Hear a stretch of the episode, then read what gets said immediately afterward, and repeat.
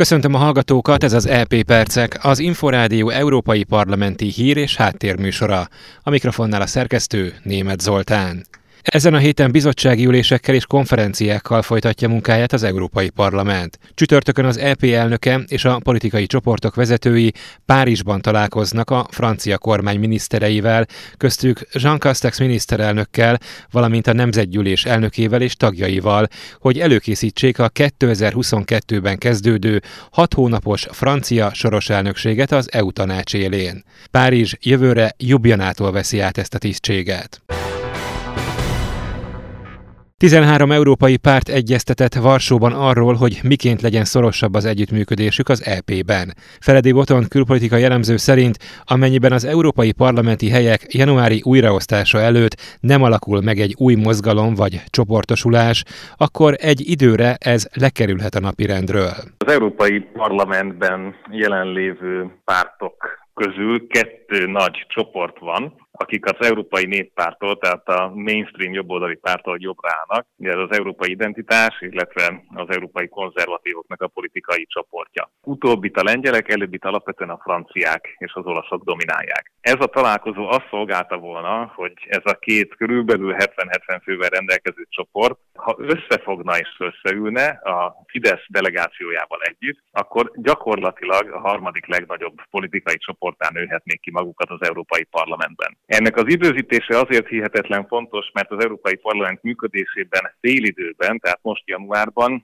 számos helyet újraosztanak az Európai Parlamenti elnökségkel bezárólag. Tehát ilyenkor számít a csoport mérete, a politikai csoport a frakció mérete, mert ez szerint kaphatnának különböző helyeket és finanszírozást. A hétvégi Varsói csúcs találkozó elnevezési konferencián 13 európai párt képviseltette magát a lengyel szervezők tájékoztatása szerint. Részt vett a találkozón Orbán Viktor miniszterelnök, Marie Le Pen a francia nemzeti tömörülés elnökjelöltje, valamint Santiago Abascal a spanyol Vox elnöke. A lengyel részről pedig a kormánykoalíciót vezető párt, a jog és igazságosság elnöke, Jaroszláv Kaczynski kormányfőhelyettes, valamint Mateusz Morawiecki kormányfő is jelen volt. Az egyenlőségért felelős uniós biztos szerint az Európai Bizottság különös hangsúlyt fektet a cigány ellenesség, a diszkrimináció és az idegen gyűlölet minden formájának felszámolására. Helena Dalli, az Európai Parlament romák elleni túlzottnak minősített rendőri fellépéssel összefüggő vitájában kifejtette, létfontosságú a cigányok egyenlőségének megvalósítása az Európai Unióban. Ezért a bizottság azoknak az ajánlásoknak a betartását szorgalmazza a tagországokban, amelyek a roma civil társadalom döntéshozatalba történő bevonását, a gyűlöletbeszéd, illetve az ebből eredő bűncselekmények, valamint a kirekesztés felszámolását mozdítják elő. A vitában felszólalt az RMDSS Vince Lóránt is. Az Európai Néppárt képviselője aggasztónak nevezte, hogy az Európán belüli fajgyűlöletre, etnikai kirekesztésre kevés figyelmet fordít az Unió. Aggasztónak tartom, hogy ennek a jelenségnek kevés időt és figyelmet szentelünk, a hetet hét országon túli jogtiprások mellett az itthoni, európai fai gyűlölettel, etnikai kirekesztéssel és erőszakkal legalább ennyit kellene foglalkoznunk. Nem mondhatjuk azt, hogy sajnos néha történnek ilyen esetek.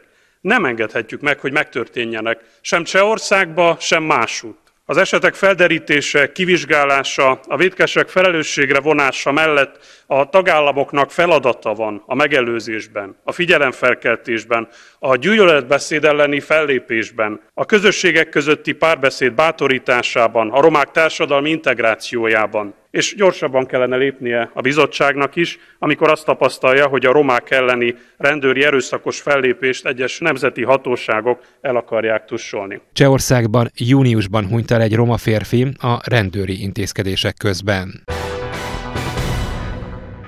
A héten az EP politikai csoportjai felkészülnek a december 13-a és 16-a közötti plenáris ülésre. A tanácskozás témája lesz egyebek mellett a nők jogainak védelme és a nemek közötti egyenlőtlenségek csökkentése, a humanitárius segítségnyújtás, a december 16-ai 17-ei Európai Tanácsülés, valamint szavaznak majd az alapvető jogok és a jogállamiság szlovéniai helyzetéről. Ezen kívül megtartják a 2021-es Szaharov díj díját átadó ünnepségét is. Ez volt az LP e Percek, műsorunk meghallgatható és letölthető a Szolgáltatók podcast csatornáin, valamint az infostart.hu internetes portál podcastok felületéről.